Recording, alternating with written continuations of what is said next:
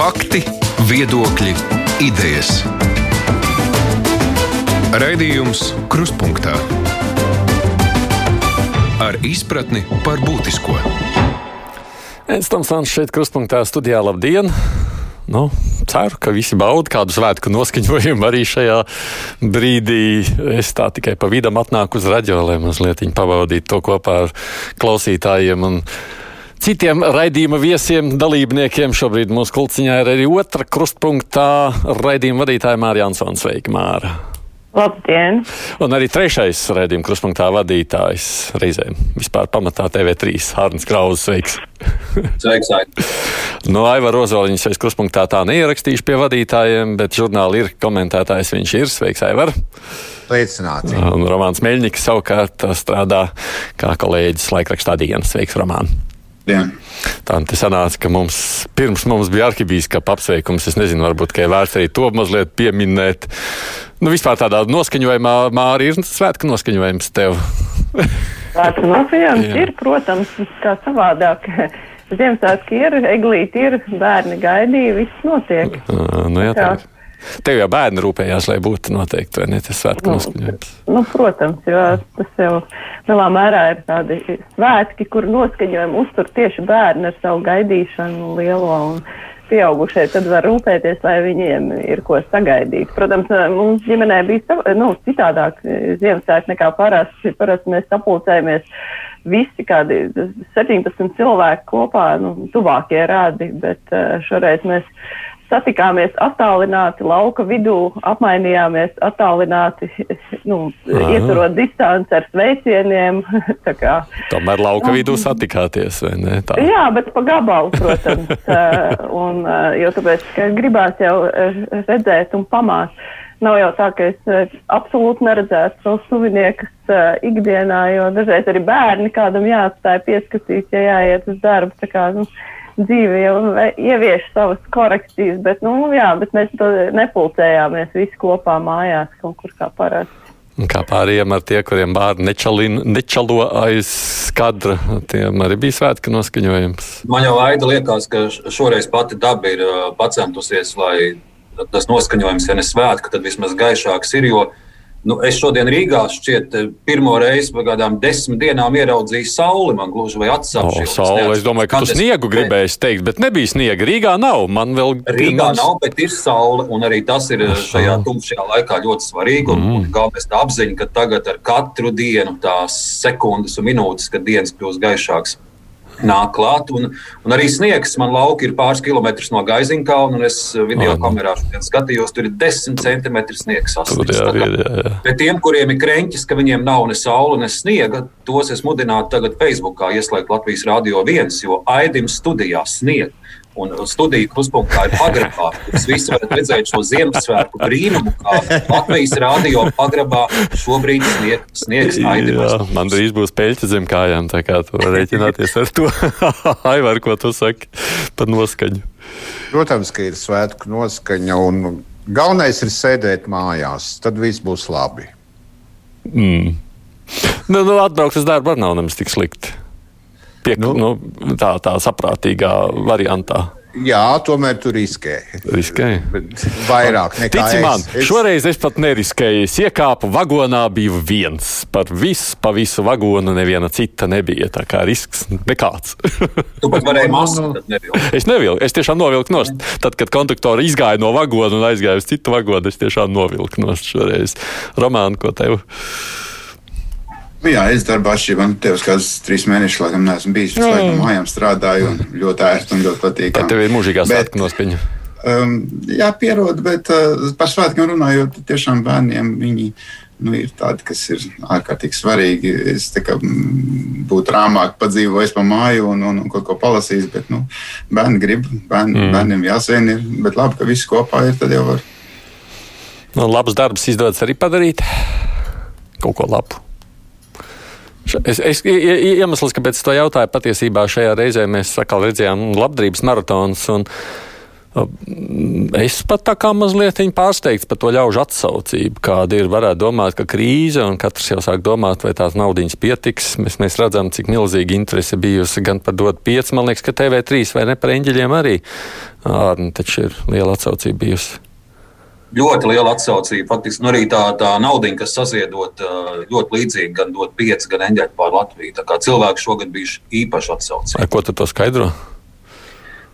Nu, droši vien ar, ar šo trauksmaino gadu, un, un cilvēkiem varbūt ir vairāk laiks padomāt par to, kas notiek apkārt, un vairāk varbūt sajust līdz cilvēkus sev apkārt. Un, Un man īpašs gandarījums arī ir par, par DOT 5 šī gada akcijas. Vakar ar interesi noklausījos arī kruspunktā, kur jūs tādu kā kopsavilkumu veicāt. Un, kolēģi Sanita un, un, un citi kolēģi, ka jāpiekrīt, ka tas temats, kas šogad bija izvirzīts, viņš varbūt nav tas uh, populārākais sabiedrībā, kur varēja gaidīt, ka būs tāda liela atsaucība, jo ierasti priekšplānā ir bērni, bērnu slimības, bērnu problēmas, šāda veida temati. Bet šeit vardarbība ģimenē pret sievieti. Es arī sākumā, kad šīs akcijas pieteikumu izdzirdēju, biju gana skeptisks, vai, vai, vai liela sabiedrības daļa tā uzrunās un, un cik sekmīgi šī akcija aizies. Bet nu, to iznākumu mēs redzam. Un, un, nu, varbūt es, protams, dzirdu arī tos cilvēkus, kuriem saka, ka varbūt par daudz uh, tas viss skanēja un šie jingli par daudz. Un, un, un, un, nu, tā, tāds viedoklis arī dzirdēju, bet tas svarīgākais jau šeit man liekas, ir, ka patiesi izdevās beidzot tik augstā plauktiņā šo problēmu uzlikt un, un, un nevien par to runāt, bet jau no vakardienas raidījuma es sapratu, ka ir ļoti konkrētas lietas, ko dot pieci šī gada akcija jau tagad ir sasniegusi. Un, un šeit ir svarīgi, ka ir saslēgušās gan nevalstiskās organizācijas, gan žurnālisti.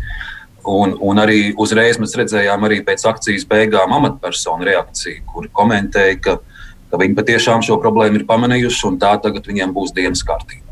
Lai tā būtu, patiesībā jau līdz šim mums šī vardarbības tēma nepavisam nav veiksmīgi gājusi uz priekšu, ņemot vērā droši vien tās kaislības ap Stambuls konvenciju, kādas ir bijušas, un šis ir raisījis no manas skatu punkta arī diezgan šovinistisks no vīriešu viedokļa šovinistisks, vismaz redzot, ko vīrieši reizēm raksta. Oh, no tādas mm, vēstules, kuras man kauns pat lasīt, ir kādreiz. No sieviete izprovocē, sieviete pat vainīga. Nu, es šos vēstules saņemu joprojām, bet šī summa, kā vakar sacīja Sanita, rāda, kā acīm redzot, mēs nemaz laikam kā sabiedrība neesam novērtējuši, cik tas ir tomēr svarīgi un sāpīgs sabiedrības aktuāla problēma ko ar šo tālāk vajadzētu, Aivar, es tā domāju, kā žurnālistiem mums darīt, ņemot vērā, ka nu, cilvēkiem tas patiešām izrādījies ļoti sāpīgs jautājums.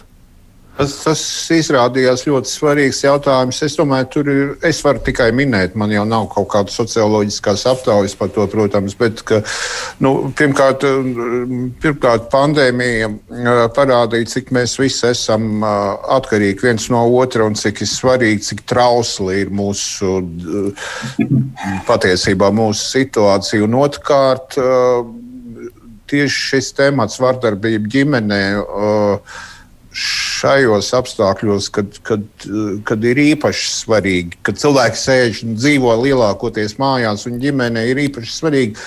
Uh, cik, cik, cik, cik, cik īpaši svarīga ir saticība ģimenē, miers un saticība. Es domāju, tas bija viens no iemesliem. Un, uh, varbūt tu pieminēji tās vēstules Nu, kurš nāk uz rādio, jā, diemžēl. Jā, kuras nāk uz rādio. Es domāju, ka šis skaitlis, uh, saziedotā summa un cilvēku attieci, uh, attieksme pret, uh, pret palīdzību eh, viens otram eh, daudz labāk nekā atsevišķu dīvainu vēstules parāda kopēju noskaņojumu sabiedrībā. Pret šo problēmu varbūt mums mazāk vajadzētu pievērst uzmanību kaut kādām dažām, dažiem ļoti ekstravagantiem viedokļiem šajā situācijā. Ne, ne tikai par šo tēmu, bet arī par citiem, es domāju.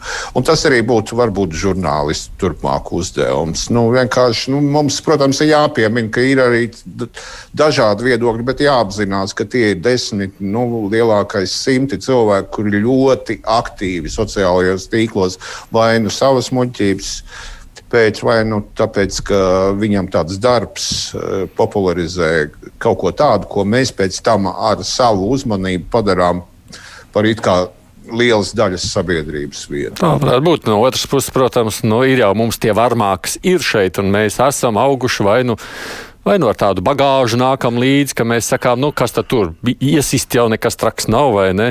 Vienalga, vai tas ir uh, dzīves biedrs vai tas ir bērns, uh, kur mēs arī, nu, kā tur mēs bez pēriena, nu, kā tam mēs citādāk mums viņu vajag, piedod, novilkt bikses un paņemt jostu. Uh, Romāni, kā kā mums, kā, un es šobrīd tieši piedod, man reizēm šķiet, ka šeit ir svarīgi tas vīriešu jautājums. Jo, nu, ja kādiem ir jārunā par šo jautājumu, tad man liekas, tieši pašiem vīriešiem, vai ne tā mums? Jā, piekrītu. Bet uh, tas svarīgais arī ir tas, lai mēs turpinātu runāt par šīm tēmām, kuras aktualizējam. Ik pa laikam ir kaut kādas aktuālas tēmas, mēs aktualizējam, it kā izrunājam to tēmu, ķeramies pie nākošās. Tā, tā problēma ir tāda, ka nu, tas ir kā tāda uzplaiksnīga un pazūd, un tā vairs nav aktuāla. Taču ir aktuāla arī pēc gada, pēc diviem. Cilvēki nemainās no tā, ka bijusi viena, otra, trešā akcija vai kampaņa.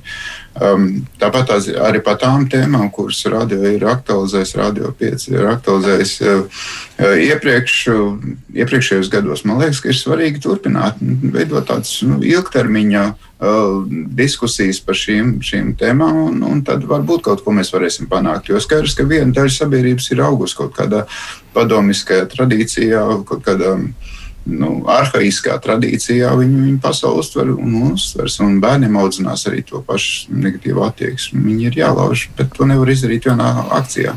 Tā, protams, pandēmija savu nu, tādu uzsvaru mājiņu, mazliet jau akcentu mājiņu ir likusi, bet mēs jau ar tevi esam to izmisumu zonu, kas bija piemēram pirms gada diviem. Nu, jau tādā jāsaka, esam aktīvi arī turpinājuši visu šo laiku. Protams, arī lielā mērā pateicoties mūsu producentei Evijai, kas, nu, kurai tas ir tāds ļoti būtisks jautājums, ko viņa, paldies viņai, uztur. Šo ar mums būs mārā vai ne, ar tevi jāturpina. Nē, nu, protams, ka ir jāturpina un ir ļoti būtiski.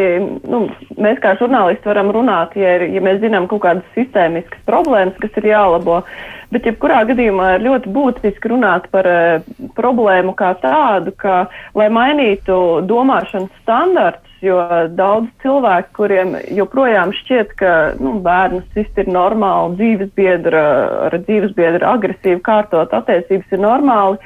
Um, nu, tie cilvēki un bērni viņi pieaug, un pēc tam viņi iespējams turpina šo slikto tradīciju, jo viņi neko citu nav redzējuši, ir vienkārši lēnā garā jāpieradina pie domas, ka nav pareizi audzināt bērnus ar siksnas palīdzību, ka nav pareizi uh, agresīvi kārtot attiecības, uh, jo nu, pie tās domas uh, nevar pierast uzreiz, un bieži vien paši upuri viņi arī īsti neapzinās, ka nu, ka tas nav pareizi, un uh, viņiem ir bieži vien kauns par to, kas ir noticis. Un, ja viņi zina, ka ir daudz cilvēku līdzīgi kā viņi, tad viņi var sākt runāt un mēģināt, mēģināt to aburto loku izbeigt, lai tas neaiziet tālāk. Tāpēc ir vienkārši jārunā, jārunā un jāpieradina pie domas, ka tas nav normāli, jo daudzas lietas uh, pasaulē ir ar laiku mainījušās. Un šīs bērnu audzināšanas tradīcijas, tās jau ir nākušas, tas jau ir ne tikai no padomu laikiem tas jau ir senāk, un uh, arī Eiropā, Rietuma Eiropā tieši tāpat uh, audzināja bērnus ar stingro roku, un tur arī ir mainījusies uh, domāšana, ka tas nav normāli. Bet tas notiek palēnām, runājot, runājot un runājot. Mm. Es Rutas vēstulīti nolasīšu, viņš saka, lūdzu, nolasiet. Nu, liels paldies Latvijas radio par labdarības maratonu dot pieci. Ja pirmajos gados likās, ka tas tāds jauniešu balagāns, tad pēdējos gados nu visu cieņu. Tas ir pamatīgi sapurinājis visu sabiedrību un arī mainījis tagad jau daudzu attieksmi. Un paldies jums par to! Jā, ja drīkst šajā kontekstā mazliet uh, pajautāt, nu, es negribu provocēt nekādā veidā ziņās, bet mazliet uh, sasaucās, aiz, es aizklausījos, pirms mēs nonācām ētrā arhivīskapa vēstījumu par to, ka vīri lūdz preciet, ne vīrieši preciet savus sievas un nevis draudzenes un vispārējo. Un aizdomājos par šīm ģimenēm, par kurām mēs vakar runājām. Tur tie vīri ir apprecējuši tās sievas. Un, tas ir tā, ka tās sievas beigās nezina, kā tikt prom no tā vīra. Nu, ka tā precēšanās vai tas, ka tu esi nonācis laulībā, ja tev neko bieži vien nenodrošina. Un reizēm pat kādreiz, kā mēs redzam, no šīs dzīves sarežģīja. Nu, nē, nē, nē, es nedomāju, ka tas runā viens pretim otram. Nē, tas nerunā viens pretim otram. Lieta, un precēšana tas ir, tas ir vairāk par um, attiecību sakārtošanu, tiesību sakārtošanu, jo tiesību sakārtošana arī ir ļoti nepieciešama lieta, lai būtu kārtībā viss. Tās ir parasti tādas mantiskās jautājums par mantiskajām attiecībām vairāk nekā par mīlestību. Mīlestība, jā, tas varbūt esot kopā, bet uh, dzīve nav tikai mīlestība, kopdzīve. Tur ir arī par citām lietām jādomā. Es par šo pajautāju no cita aspekta. Es nebiju domājis tā to jautājumu pretnostatīt. Es biju aizdomājies par to, cik. Lūk, baznīca šajā reizē, nu, kas svētkos uzrunā, cik viņa iestājas par to, par ko mēs tā runājam labdarības maratona dēļ. Un man nu, tajos iepriekšējos gados, varbūt tieši Stambulas konvencijas dēļ, tas viss izlikās ļoti tā, nu, neveiksmīgs pretnostatījums. Sakot, baznīca iestājas lūk nevis par pretvardarbību, bet lūk vairāk rūpējas par kādām citām lietām. Šajā gadā mazliet zināms tāds pārmaiņu posms ir bijis no, nu, droši vien pateicoties pāvesta izteikumiem par šī te tiesībām ne tikai tiem, kas atrodas tradicionālajās ģimenēs.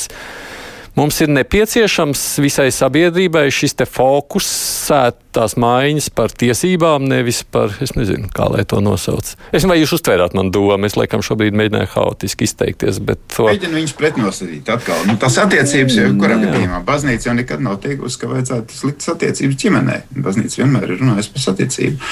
Un, un šī gadījumā arī, arī cilvēku starpā, kuri varbūt nav reģistrējuši laulības, saticība ir svarīga. Ir tāpat ļoti daudz cilvēku, kas dzīvo vientuļi. Viņiem arī ir jābūt saticīgiem ar visu apkārtējo pasauli pasauli nevar būt apvainojušies uz visu apkārtējo pasauli. Mm. Cilvēki ar dažādiem seksuālām orientācijām, nu, tur arī nevar nostatīt viņus pretēji tam, ka jābūt saticīgiem. Mm -hmm. Bet šajā gadījumā arhibīskaps eh, nu, ļoti izteikti runāja par eh, vīriešu un sieviešu attiecībām. Šajā uzrunā viņš vispār pat nepieminēja vienzimumu pārus kā tādus, tā it kā nebūtu viņu vispār, es nezinu, vai tas bija ar nodomu, vai tas uh, bija vienkārši tāpat, jo nav jau teikts, ka arhibīskaps ir gribējis kaut ko ļoti speciāli izslēgt no savas uzrunas, bet šajā gadījumā šis temats vienkārši nav skarts, un es nezinu, vai tas ir apzināti uzsvarot, ka ir uh, attiecības tikai starp vīriešiem un sievietēm, vai arī, nu, vienkārši tāpat, jo aicinājums uh, vīriešu aprecēt savus sievietes, protams, ir ļoti jauks. Nu, ko tur varētu iebilst? Bet kāpēc uh, netiek skartas arī ģimenes, kuras ir, kur ir vienzimuma partneri? Nu, es nezinu, tas ir jāprasa arhibīskapām. Bet varbūt arī jāuzsver to aizsaka baznīca to vai baznīca šo nu, nav jau mums tāda viena baznīca. Ja, ja uh, runu teiktu Ziemassvētku, piemēram, mācītājs Juris Cālīts, tur droši vien būtu atkal citi akcenti. Ja, ja mēs klausītos sprediķi uh, Torņkalnu vai Āgenskalnu draudzē, tur iespējams mēs sadzirdētu citus akcentus. Mācītāji ļoti dažādi, un, un draugs ir dažādas, un arī sprediķi ļoti dažādi. Tad, var, jā, tad varbūt tas, tas, ka mums ir dažādi tie vēstījumi bijuši, nu, ir jau Ziemassvētkos dažādi. Jūs sadzirdat to dažādību, jums šķiet, ka tā ir pietiekoša. Jā? Aivar, ko tu saki par šo te vēstījumiem, kas nāk Ziemassvētku laikā? Mm, pirms Ziemassvētkiem uh, svarīgs vēstījums nāca no satversmes tiesas, ka visi cilvēki un visas ģimenes ir pelnījušas vienādu likuma aizsardzību. Es domāju, tas ir daudz svarīgāk nekā kurš arhibīskaps kurā brīdī kaut ko pasaka par vīriešu vai sieviešu attiecībām. Uh, likuma priekšā mēs, uh, mums visiem ir jābūt vienādiem un ģimenēm ir jābūt aizsargātām neatkarīgi ne, ne no kaut kādiem ideoloģiskiem, ne dzimumu likumu tur, uh, pazīmēm. Nu, kādam ir svarīgs satversmes tiesas paziņojums, kādam, protams, svarīgs arhibīskapa vēstījums. Katram ir sava autoritāte. Bet reiz tu pagājusi satversmes tiesa, es par to arī gribu runāt tālāk. Droši vien, ka jāatgādina, kas mums ir studijā, mums virtuālajā studijā. Jāsaka, gan Romanis Mēņķis, Aivars Ozoliņš, Arnis Kraus un Mārija Ansone. Raidījums Krustpunktā. Šajā nedēļā ne par to spriedumu, jo par to droši vien vēl gadu apskatos un visur citur izrunāsim, bet satversmes tiesa drīzāk pievērš uzmanību to, ka tā nekļūst par vienu tiesnesi bagātākajiem. Proti, tā tad trūkstošā, ja vakantā tiesneša vieta šajā nedēļā tā arī netika aizpildīta. Un, nu, tur katram kandidātam tika atrastas savas utis, ja blaktis, kāpēc par viņiem nebalsot. Ko jūs sakāt? Vai tā satversmes tiesas tiesneša neapstiprināšana amatā nav sekas šiem pēdējiem spriedumiem, kurus satversmes tiesa ir?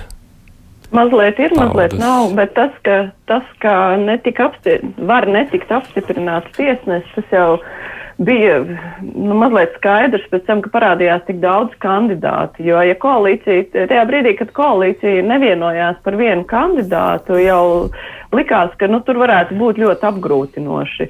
Nu, protams, ka šie spriedumi, īpaši pēdējais skaļais spriedums par vienzimumu pāriem, nu, kas skar arī vienzimumu pāris, tas nekādā veidā nepalīdz vienoties par vienu tiesnesi, bet tas, ka nebūs apstiprināts tiesnesis, uzreiz tas, ka tas būs ļoti grūti, bija jau skaidrs, ka parādījās daudzie kandidāti. No otras puses, nu, ja mēs vienmēr sakām, cik labi, kad ir spēcīga konkurence, nevis tikai viens izvilkts. Bet, bet ir skaidrs, ka ir jā, jābūt vienotie, vienotam saimnes vairākumam. Nu, ja ir tik daudz kandidāti, nu, jā, katram tas nozīmē, ka ir kaut kādas savas prioritātes. Un, uh, Un, eh, ja mēs redzējām, ka vienošanās nav nekādas pirms tam bijušas, eh, kur tad notiks Ziemassvētku brīnums un pēkšņi par kaut ko vienosies, ir tīpaši vēl tajā fonā, kas eh, saistās ar tiesas spriedumiem, droši vien, ka nē.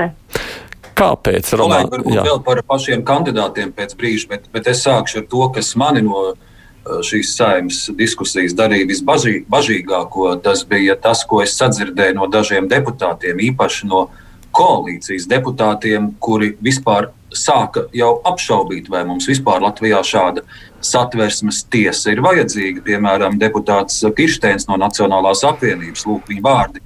Satversmes tiesa šī ir dekoratīva iestāde, tā izmaksā pārāk daudz, un tāda satversmes tiesa varētu arī nebūt. Tā saka koalīcijas deputāts. Arī uh, deputāts Rancāns no JKP uh, teica, ka ir uzbūrts tāds kā mīts, ka satversmes tiesa uh, stāv pāri politiķiem, un tas nebūtu tā nav. Tā kā, tas man pat, pat lika vairāk satraukties, ka, ka, ka politiķi sāk spriest, vai, vai vispār šādas atversmes tiesas kāds, kas vēl ir virs viņiem un uzrauga kaut ko, kā tiek pieņemti likumi un lēmumi, vai tādi vispār ir vajadzīgi. No, nu, Aleksandrs Kirsteins šādi domāja jau sen, un viņš to nav slēpis. Viņš jau, viņš jau bija neapmierināts ar tiesas lēmumiem abrēnas jautājumā. Tā kā viņiem tas, tas uzskats par to, ka satversmes tiesa varbūt ir kaitīga valstī, tas ir viņam jau sen bijis. Nu, ja redz... Jā, jāņem vērā, ka tomēr politiķi ir diezgan tādi, nu, deputāti ir diezgan tādi orientēti, ka visi var pieder viņiem. Un tad, ja kāds ņem un apstrīd viņu lemto, tad izrādās, ka viņi paši ir tādā kā muļķis lomā. Tas, tas loģiski viņus pazemo daudz. Bet runājot par satversmes tiesu, te ir skaidrs, ka tajā brīdī, kad izvirzīja kandidātus katra partija un ļoti strikti uzstāja uz saviem kandidātiem ar, ar, ar tādiem zināmiem vēstījumiem, ko no katras no viņiem tur, tur izdarīs labu, nu, bija skaidrs, ka tas ir politizēts jautājums, ka partijas nevar vienoties. Viena grib vienzimumu laulības, viena tieši pretī negrib. Vieni grib kaut kādus uh, lēmumus, kas saistīti ar uh, reģionālo reformu, otrs saka, nē, nē, mums pasaka, diez, ja kaut ko izlabos.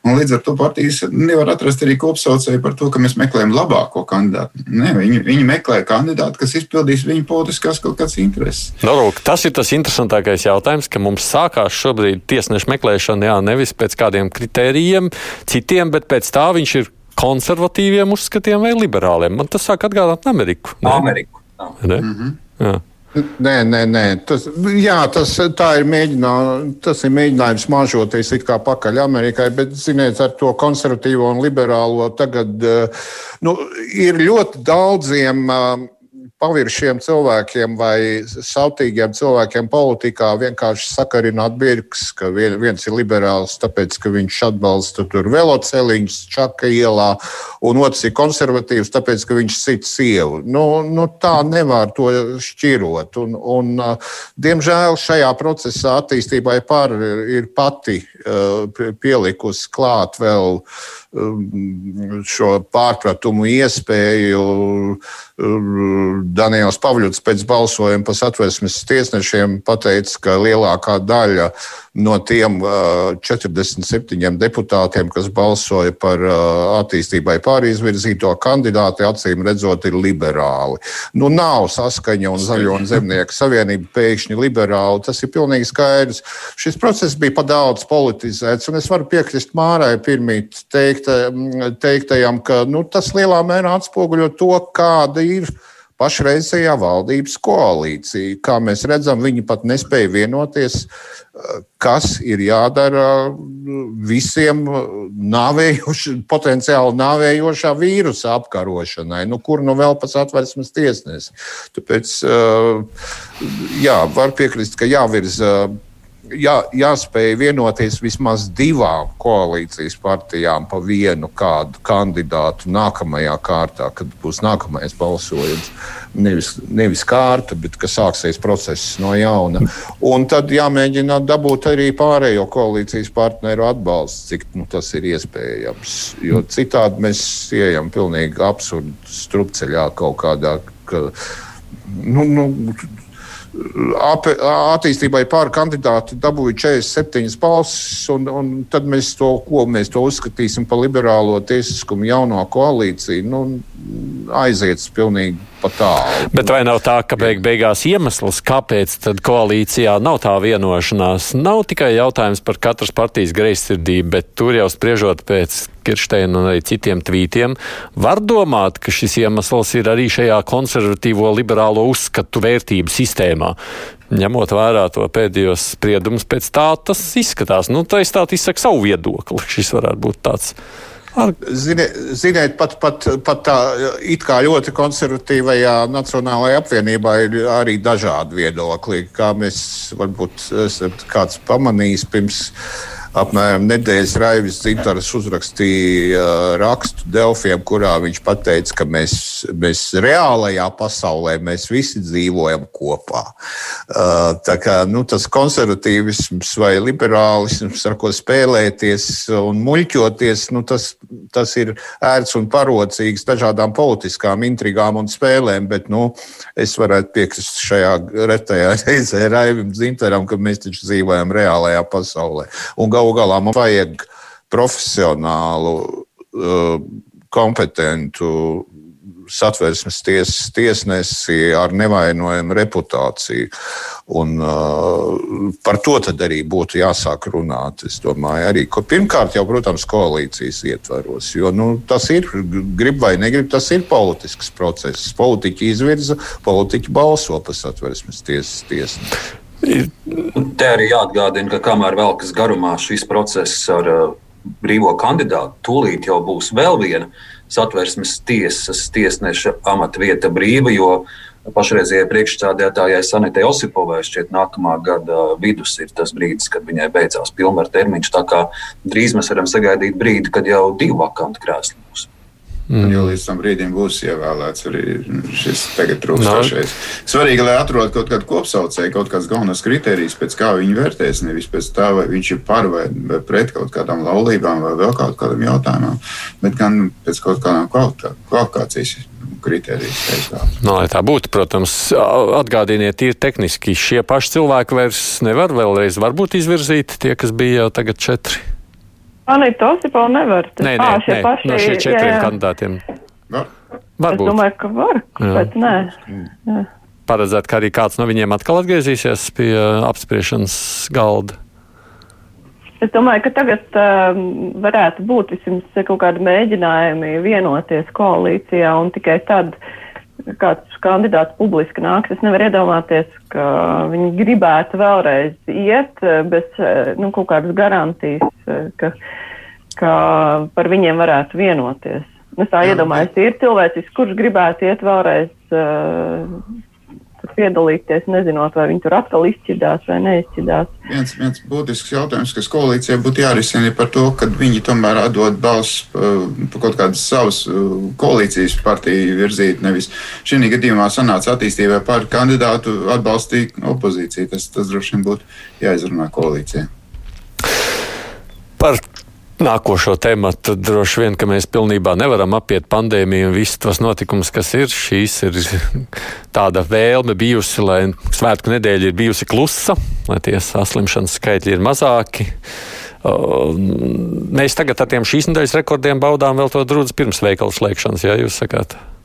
Nu jā, droši vien nu, tas jau tieši pirms visiem ierobežojumiem. Un, es nezinu, vai tas ir gluži veikala apmeklētāji slimo, jo to ir ļoti neiespējami no, nu jā. pateikt. Un cilvēki, kur gājas veikaliem, viņam arī stāsta, ka viņi centās izvairīties, bet, nu, jebkurā gadījumā uh, tas jau nevar norimt tā uzreiz un pēkšņi.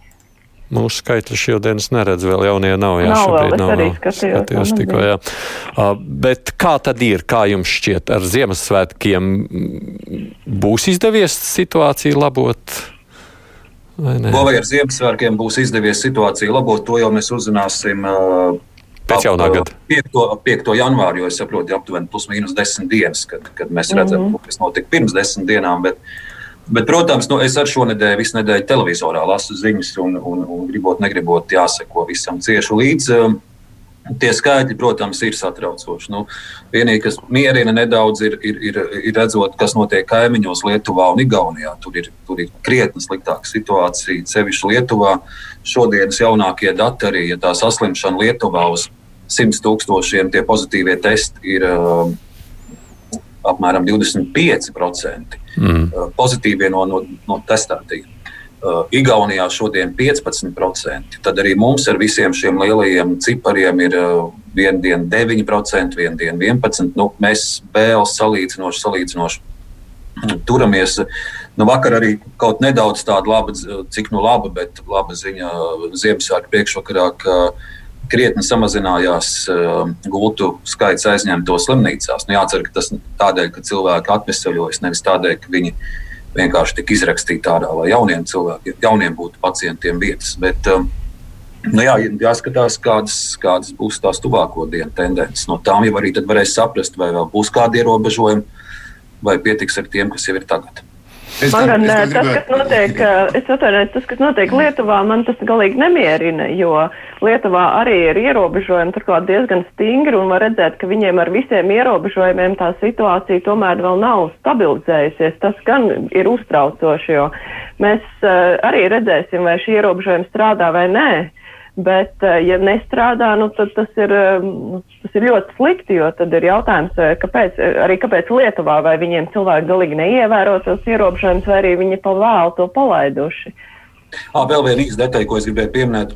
Es arī katru dienu skatos, kur ir šie uzliesmojumi, kur ir tie lielākie perēkļi. Tā, protams, ir Rīga, Daugaupils, Reizekne veido jau aptuveni 70% no visiem gadījumiem. Uh, Un, ja tur vēl detalizētāk skatās, kas gan ir satraucoši, ceļš pēdējās nedēļas laikā ļoti daudz gadījumu ir sociālās aprūpes namos. Šeit Jālgavā bija stāsts, kur jau 70% klienti ir saslimuši. Šie, šie aprūpes nami arī veido šo lielo statistiku šobrīd. Mm. Jā, viena būtiska lieta, ko es gribēju teikt, Arnēs pieminēja to procentus no testētajiem. Tas ir diezgan. Nu, svārstīgs no daudziem faktoriem atkarīgs. Un, piemēram, šonadēļ vairs nav vajadzīga ārsta zīme, lai aiziet uz testu. Tas nozīmē, ka lielāka pieejamība šiem testiem ir un cilvēki automātiski lielāks skaits var iet, un jo lielāks skaits iet un pārbaudās, jo attiecīgi tas procents pret saslimušiem pozitīviem var būt mazāks.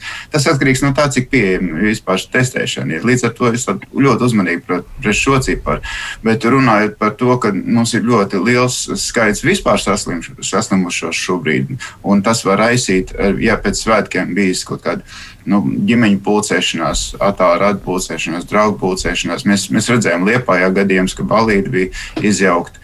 Ja tādi fakti būs, tad, tad jo lielāks skaits ir šodien, jo, jo, jo lielāka varbūtība, kad uz pēc svētkiem, pēc nedēļas var būt lielāks skaits ar, uh, saslimušiem. Tāpēc es domāju, ka liela kļūda bija tā, ka šie ierobežojumi, tiek, kas tagad ir un kas, kas varbūt būs pēc jaunā gada, kaut kā viņš ir izteicies, ka tie ir tik vēlu. Viņam faktiski bija jābūt novembrī, lai mēs dabūtu uz leju to bāzi. To saslimušo oktobrī, skaitu. Oktobrī bija. Oktobrī, jā, jā. Jā, jā. Bet, nu, novembrī vēl varēja cerēt, ka varēja būt drosmi, bet faktiski ir ievilkti, ievilkti tā kā ir pārāk.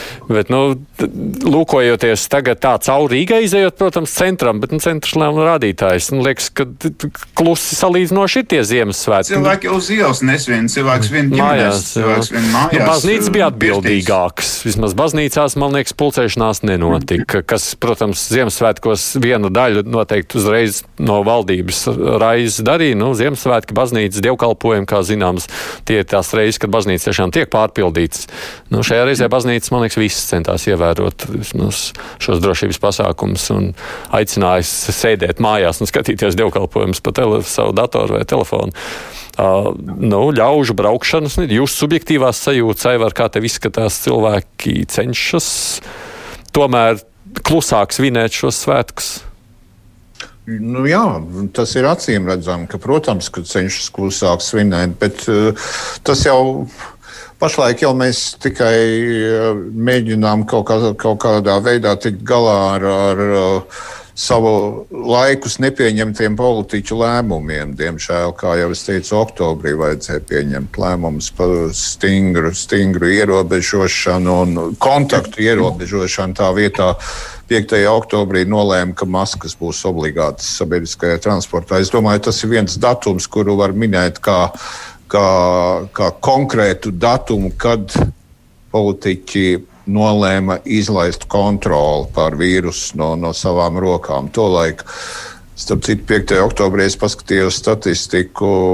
Uh, bija 40 jauni covid gadījumi reģistrēti. Nu, pēc 5. oktobra viss tā lielā cīņa bija par par maskām un par masku valkāšanu. Rezultātā mums ir 1200 pāri vakar. Uh, Domāju, ka pašlaik vienīgā labā cerība ir uh, vakcīna. Um, tā beidzot ir. Un, ja būs vakcinēts pietiekami liels sabiedrības um, procents, nu vismaz 65%, tad ir cerības apturēt uh, šo epidēmiju citādi, ar citiem līdzekļiem, ar pilnīgu pārvietošanās, ierobežošanu. Droši vien, ka var piebremzēt, bet, bet pašlaik, ja izlaiž to kontroli no rokām, tad, tad, tad, uh, tad, tad ir grūti savākt. Grūti viņu dabūt atpakaļ. Tas nu, tā droši vien ir. Nu, bet mums cilvēki raksta par to jauno covid mutāciju, par ko saka, tā ir tā, tā vēl krietni lipīgāka. Tās ir bažas, kas raisa klausītāju. Nu, jums arī šis šķiet ir tāda lieta, par ko vajadzētu raizēties. Un vai tas lēmums pilnībā nogriezt Lielbritāniju šajās dienās, jūsuprāt, ir bijis pareizs? Nā, es varbūt uh, turpināšu arī kā ziņu cilvēks. Lūk, ir jaunākie dati no slimību profilakses kontrolas centra. No. 4000 testu pagājušajā diennaktī, no. Uh, reģistrēts 666 jaunu inficēšanās oh, gadījumu, 16 miruši.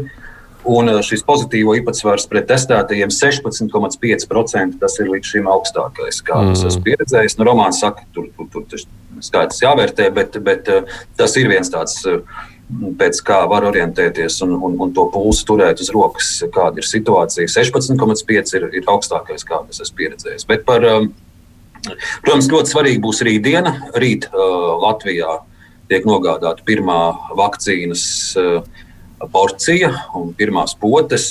Būs svarīgi redzēt, kā, kā mūsu amatpersonas veselības dienests ir. Uh, ir eh, domājuši, kā sabiedrībai vēstīt par šo potēšanos. Mēs redzam piemērus no, no citām valstīm, piemēram, vakar no Eiropas valstīm Serbija bija pirmā, kur saņēma potes, un tur kameru priekšā eh, potēšanos veica Serbijas eh, premjerministre. Mēs redzam, ka Lielbritānijā arī bija īpaši padomāts, kuru kameru priekšā medmāsas potējās, lai iedrošinātu ļaudis. Nu, būs interesanti redzēt, kā kā, kā šī, šī lieta ir Latvijā pārdomāta. Tas viss rīt jau sāksies. Bet par Lielbritāniju, protams, tās pirmās ziņas arī bija diezgan jau tā šajā laikā vēl papildu biedējošas. Ka, ka lūk, tas jaunais mutējošais atzars ir par 70% lipīgāks. Bet mani savā veidā nomierināja vairākas intervijas, kuras es dzirdēju ar Jāni Kloviņu, biomedicīnas centra uh, vadītāju, uh, zinātnieku. Latvijas rādio viņš runāja, un LSM arī uh, lasīju, ka, ka viņš teica, es pat nocitēšu, lai precīzāk, ka pašlaik nav pamata uzskatīt, ka Lielbritānijā atklātā vīrusa mutācija ietekmētu saslimšanas smagumu tiem, kas interesē precīzāk, var atrast LSM šo stāstu. Viņš tur min, ka ka šie 70% nenozīmē, ka, ka tas ir kaut kas ļoti, ļoti, ļoti sliktāks nekā tagad. Tur tik vienkārši to nevar skatīties. Un arī viņš stāstīja par vakcīnu, ka, ka šī vakcīna derēs visticamāk arī šim jaunajam paveidam. Nu, Bet tā... viņš, neteica arī, ka, viņš jau neteica arī, ka slimo vieglāk, kas būtu ļoti būtiski, jo, ja vairāk saslims, tas nozīmē, nu, ka veselības aprūpas sistēma cieši vairāk. Ir grūtāk palīdzēt. Uh, Ja, ja slimot vieglāk, tad uh, tas būtu būtisks atvieglojums. Nu, man jau, protams, vēl tajā visā stāstā jā, cīņa par pretvakcīnām. Es domāju, tas mums māri vēl būs jādomā pašiem, kā par to raidījumos runāt, bet attiecībā uz pašu vakcīnu pieejamību nu, reāli jau sabiedrība tiek tāda es, un mēs pārējie, mums jau ātrāk pa vasaras vidu visticamāk nespīd uh, tikt pie šīs vakcīnas, un tas ir es vēl ceru, ka spīd, es, es ceru, Aidi, ka spīd, jo Facebookā es lasu tik daudz bravūrīgus ļaudis, kuri saka, ka, à, ka viņi nevakcinēsies. Nevajag, viņi atteiksies, ka viņiem neko nevajag. Jā. Man šis salīdzinājums patīk, ko es šonadēļ lasīju. Tik daudz cilvēku Latvijā ir gatavi ēst cīsiņus. Viņi nezina, ko tajos iemaļ iekšā, kādas tur cūku ādas un ko tik ne. Cīsiņus redz, viņi ir gatavi ēst. Uh, vakcīna, pie kuras ir strādājuši simts iespējams gudrākie zinātnieki, ja šobrīd To viņa apšauba. Ja? Nu, lai apšauba, bet tiešām lai vajadzētu, vajadzētu izveidot kādu portālu vai kur, kur viņi ar internetu parakstu reģistrējas, ka viņi atsakās. Un tad tiešām ātrāk saņemsim mēs, kuri, kuri gaida šo vakcīnu. Jā. Man liekas, ka ļoti ār, ārkārtīgi svarīgi lai pēc iespējas ātrāk dabūtu medicīnas personāls šo vakcīnu, jo, jo šobrīd ir ļoti daudz ārstniecības iestādes faktiski ir paralizētas. Es zinu, ka pat vēžinieki, kam jāiet uz ķīmijterapiju, nevar, nevar to nokļūt pat ar visiem negatīviem covid testiem, tāpēc ka tajā nodaļā tur ir bijis kaut kādi gadījumi un viss. Nu, medicīnas, personāls, medicīnas personāls nākošais nedēļa tiks vakcinēts. Es saprotu. Jā, bet jā. jārēķina divas nedēļas. Viņam ir jārevakcinējās pēc divām nedēļām. Tad var, var rēķināties, ka pēc kāda mēneša būs jā, janvār... normāli strādājošs atkal ārstniecības iestādes. Jā, nebūs beigās, ārkārtīgi liels atkal jauns saslimušos. Jā, janvāra beigās vismaz uh, nu, Stradiņas slimnīcai vai nu, tiem, kuri visvairāk šobrīd ir uz tās uh, riska lielākās robežas, vajadzētu situācijai sākt uzlaboties no šāda viedokļa. Okay. Tas taisnība. Jā. Es gribēju vēl, mums ir vēl dažas minūtes par visu starptautisko es nepieminēšu. Brexits var būt interesanta ziņa, ka vienošanās ir panākta. Tomēr no tāda cilvēciskā viedokļa, man liekas, šajā nedēļā visvairāk ir apspēlēta atkal jaunās atklāsmes par Navaļņu indēšanu un viņa pašu publicētais video par to, kā viņam izdevās uzrunāt vienu no saviem indētājiem. Stāsts bezgalīgi interesants. No, no tādas skatīšanās viedokļa es arī notvītoju, sakot, hmm, es pat aizmirsu par Covid. Tajā vakarā baigi interesanti noskatīties, kā var pēcdienest strādāt Krievijā. Māra, tu esi bijusi Maskavā un zini visu uh -huh. to mhm. noskaņojumu vairāk.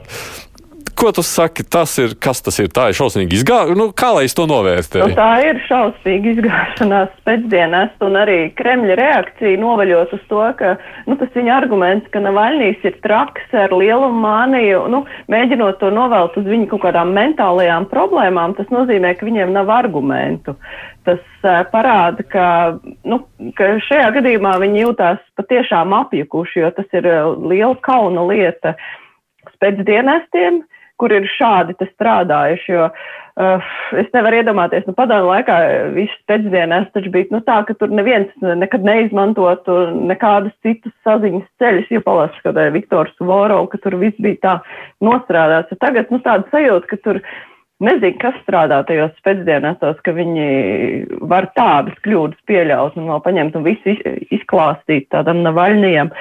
Nu, redzēs, ar ko tas tālāk beigsies, bet man iespaidoja arī Vitālija Manska akcija. Viņš gan gribēja nofotografēties ar tām apakšbiksēm pie FSB ēkas, kur viņa aizturēja un sanāca, ka viņš ir bezmaz mītiņojis, bet tas, eh, ko viņš teica, ka tas, ka viņš tur ir viens pats un tas, ka tur nav cilvēku poļi, kas protestētu pret to visu, ka tas ir tas, kas viņu ir satriecis šajā situācijā, ka Krievijā ah, cilvēkiem ir viena alga, kas notiek, lai gan tagad ir skaidri redzams, ka vara mēģina noindēt, tā, ir mēģinājis noindēt savu politisko oponentu, un tas ir pierādīts, ka viss to redz, kā tas ir noticis.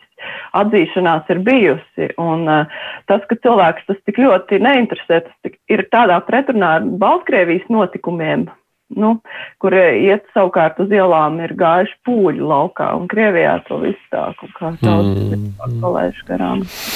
Kurš vēl par šo ir gatavs izteikties? Man ir vēl Jā, minūte. Es, es varētu teikt, ka kaut... tam, cik, cik, cik, cik cilvēki Krievijā, vai viņi vispār mm, satraucās par šo gadījumu. Viņi vienkārši pasmējās vai domā par kaut kādām citām lietām. No, Romāna ir statistika, Levada centrs, Levada centrs veids aptauju. 30% Krievijas iedzīvotāji uzskata, ka šāda saruna starp Navaļniju un viņa iespējamo slepkavu vispār nav bijusi, ka tā ir izdomāta.